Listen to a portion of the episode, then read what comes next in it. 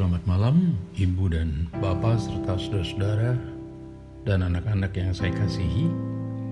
Selamat berjumpa kembali dengan saya Pendeta Kadarmanto Harjowasito dalam acara doa bersama malam ini. Kita bersama-sama mempersiapkan diri dalam lagu berikut.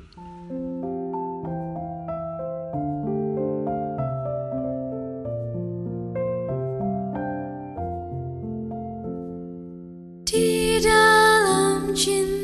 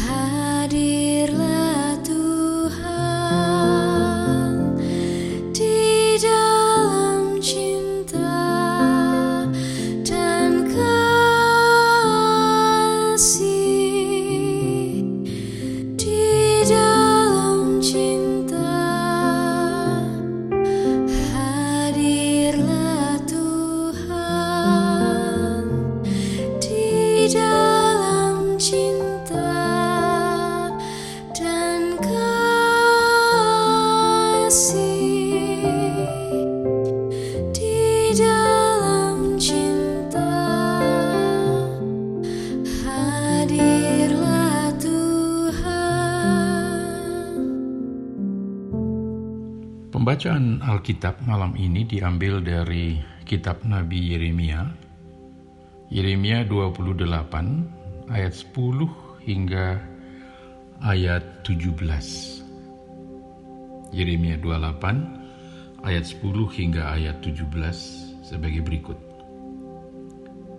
Kemudian Nabi Hananya mengambil gandar itu dari tengkuk Nabi Yeremia lalu mematahkannya. Berkatalah Hananya di depan mata seluruh rakyat itu, Beginilah firman Tuhan, dalam dua tahun ini, begitu jugalah aku akan mematahkan Kuk Nebukadnezar, Raja Babel itu, dari tengkuk segala bangsa. Tetapi inilah, saya ulangi, tapi pergilah Nabi Yeremia dari sana. Maka sesudah Nabi Hananya mematahkan gandar dari tengkuk Nabi Yeremia, datanglah firman Tuhan kepada Yeremia. Pergilah mengatakan kepada Hananya, Beginilah firman Tuhan, Engkau telah mematahkan gandar kayu, tetapi aku akan membuat gandar besi sebagai gantinya. Sebab beginilah firman Tuhan semesta alam Allah Israel, Kuk besi akan kutaruh ke atas tengkuk segala bangsa ini, sehingga mereka takluk kepada Nebukadnezar Raja Babil. Sungguh mereka akan takluk kepadanya. Malahan binatang-binatang di padang telah kuserahkan kepadanya. Lalu berkatalah Nabi Yeremia kepada Nabi Hananya, Dengarkanlah, hai Hananya, Tuhan tidak mengutus engkau, tetapi engkau telah membuat bangsa ini percaya kepada dusta. Sebab itu beginilah firman Tuhan, sesungguhnya aku menyuruh engkau pergi dari muka bumi. Tahun ini juga engkau akan mati, sebab engkau telah mengajak murtad terhadap Tuhan. Maka matilah Nabi Hananya dalam tahun itu juga pada bulan yang ketujuh. Nah, saudara-saudara sekalian, status dijajah memang sangat tidak menyenangkan. Orang tentu ingin merdeka dan bebas dari penjajahan. Apakah penjajahan itu dilakukan oleh pemerintah asing atau penjajahan oleh sebuah situasi yang yang tidak menyenangkan seperti pandemi pada saat ini. Orang merindukan, kita semua merindukan dan menanti-nantikan kabar baik tentang dikalahkannya penjajah COVID-19 ini dengan ditemukannya obat baru atau vaksin yang dapat menaklukkan virus itu. Kisah yang kita baca tadi terjadi pada waktu Israel sedang dalam penjajahan Babel atau Babilonia. dengan rajanya yang bernama Nebukadnezar. Tentu orang-orang yang terjajah itu ingin segera merdeka dan bebas dari penjajahan yang tidak menyenangkan. Nabi Yeremia memperagakan penjajahan itu dengan mengenakan atau dengan memikul kuk atau gandar yang terbuat dari kayu. Kuk itu biasa dipasang di leher sapi pada waktu sapi menarik gerobak atau membajak. Nabi Yeremia memang unik. Tetapi dalam situasi semacam itu, tiba-tiba ada lagu merdu atau berita baik yang ditiupkan oleh nabi lain, yaitu Nabi Hananya, yang mengatakan di depan umat bahwa dalam dua tahun ini penjajahan akan berakhir. Malahan Hananya bertindak lebih jauh pada akhir perkataannya di depan publik itu, Hananya mengangkat gandar dari kuk yang dikenakan oleh Nabi Yeremia dan dia patahkan untuk mengilustrasikan bahwa penjajahan memang akan dikalahkan dalam waktu singkat. Nabi Yeremia yang mengetahui bahwa ramalan Nabi Hananya itu berita palsu, jadi di zaman dahulu pun sudah ada hoax, menjawab tindakan Hananya itu dengan menyampaikan firman Tuhan. Bahwa Tuhan akan mengganti kuk dari kayu yang sudah dipatahkan Hananya itu dengan kuk yang terbuat dari besi pada ayat 13b. Artinya, penjajahan itu masih akan berlanjut, serius, dan tidak mudah dipatahkan. Malahan Yeremia juga mengatakan bahwa nabi palsu Hananya, si pembuat hoax, juga akan segera mengalami kematiannya. Dan Hananya benar mati dalam tahun itu juga.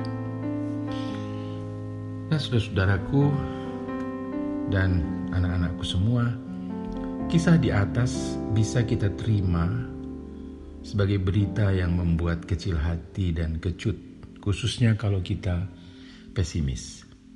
Ah, jangan-jangan pandemi yang sedang kita alami akan berlangsung lama seperti kisah penjajahan di atas. Lalu bagaimana nasib kita semuanya ini kalau kita harus berlangsung dalam situasi semacam ini lebih lama dari yang kita perhitungkan?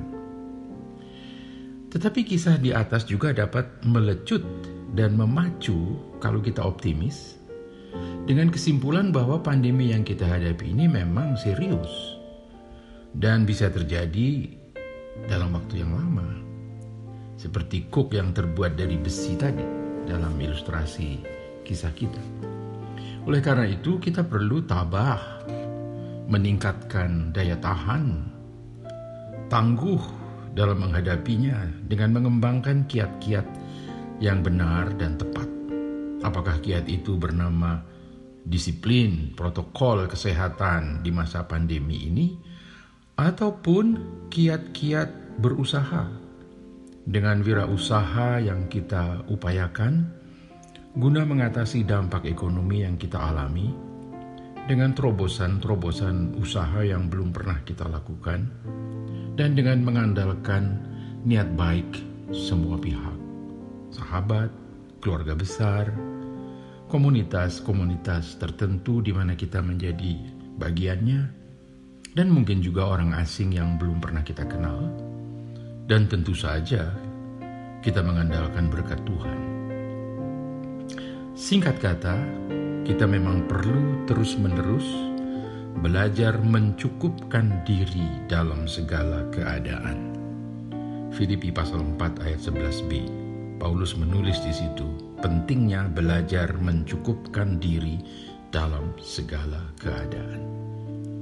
Agar kita pun dapat merasakan kedalaman makna perkataan Rasul Paulus dalam suratnya kepada jemaat di Filipi, yaitu setelah Paulus menerima bantuan dari jemaat Filipi yang menulis bahwa Allahku akan memenuhi segala keperluanmu menurut kekayaan dan kemuliaannya dalam Kristus Yesus. Saya ulangi, Allahku akan memenuhi segala keperluanmu menurut kekayaan dan kemuliaannya dalam Kristus Yesus. Filipi 4 ayat 19. Kiranya refleksi kita malam hari ini menolong kita untuk melanjutkan perjuangan kita pada hari-hari yang akan datang.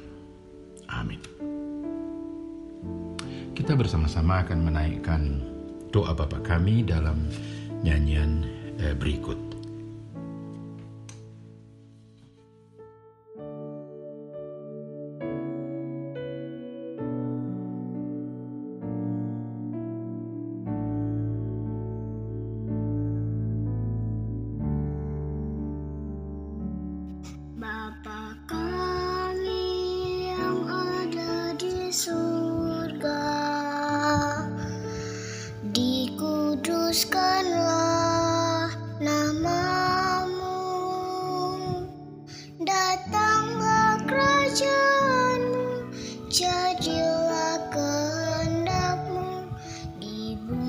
Seperti di surga.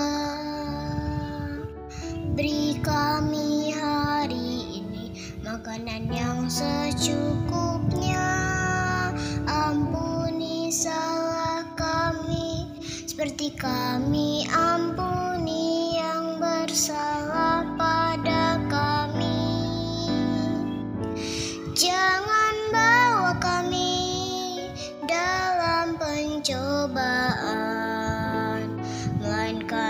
lepaskan kami dari yang jahat. Sebab kaulah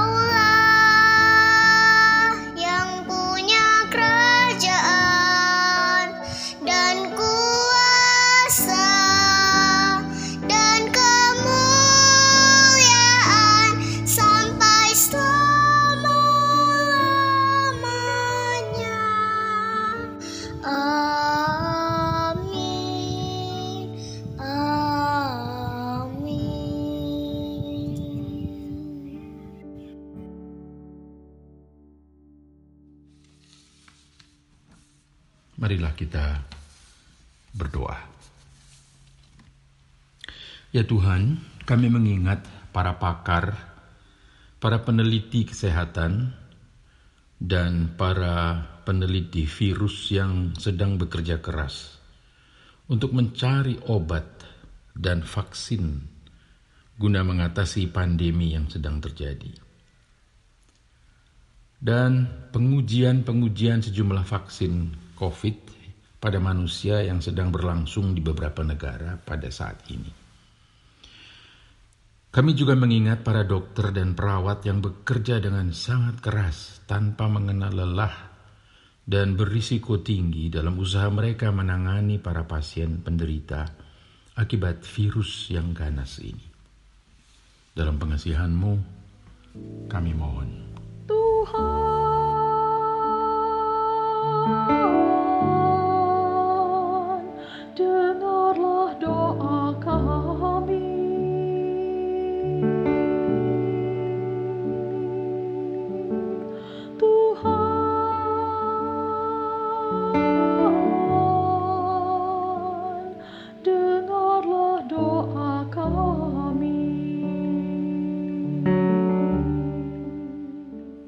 beberapa daerah tertentu ya Tuhan, kami menyaksikan terjadinya peningkatan kembali jumlah orang yang terpapar COVID-19 oleh karena ketidakdisiplinan mereka dan karena mereka terlalu gegabah dalam membuka kembali sejumlah kegiatan sehari-hari. Serta dampaknya bagi banyak orang yang rentan. Ya Tuhan, ajarilah kami untuk terus-menerus juga memikirkan orang lain dan bukan hanya memikirkan diri kami sendiri. Dalam pengasihanmu, kami mohon. Tuhan,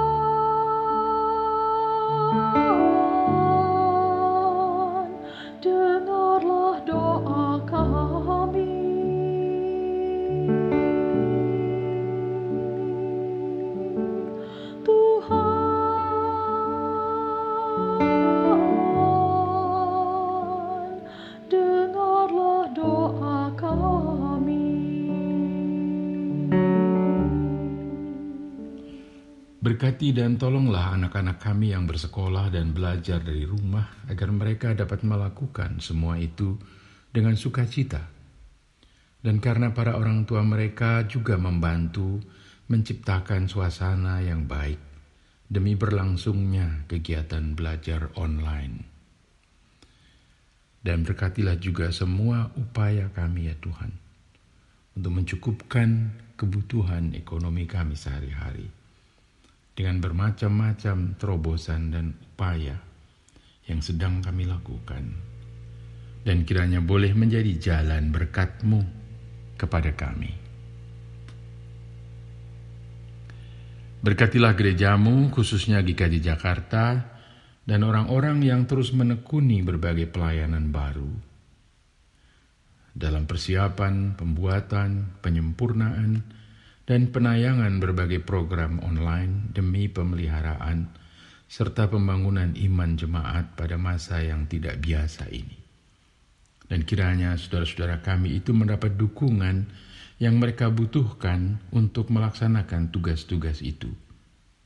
Demikian juga dengan program berbagi kasih yang memang dibutuhkan oleh beberapa orang di antara kami. Tolonglah kami ya Tuhan, baik kami yang berbagi maupun kami yang menerima, untuk senantiasa mengucapkan syukur kepada Tuhan atas pemeliharaanmu. Dalam pengasihanmu,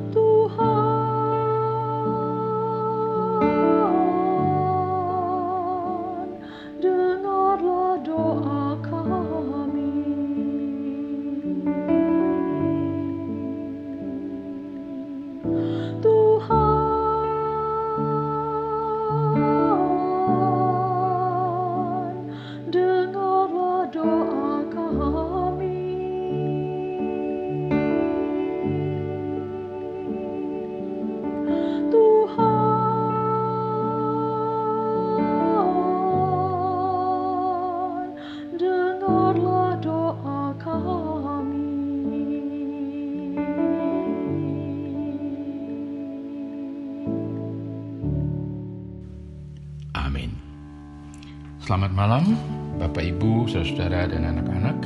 Selamat beristirahat. Tuhan sertamu.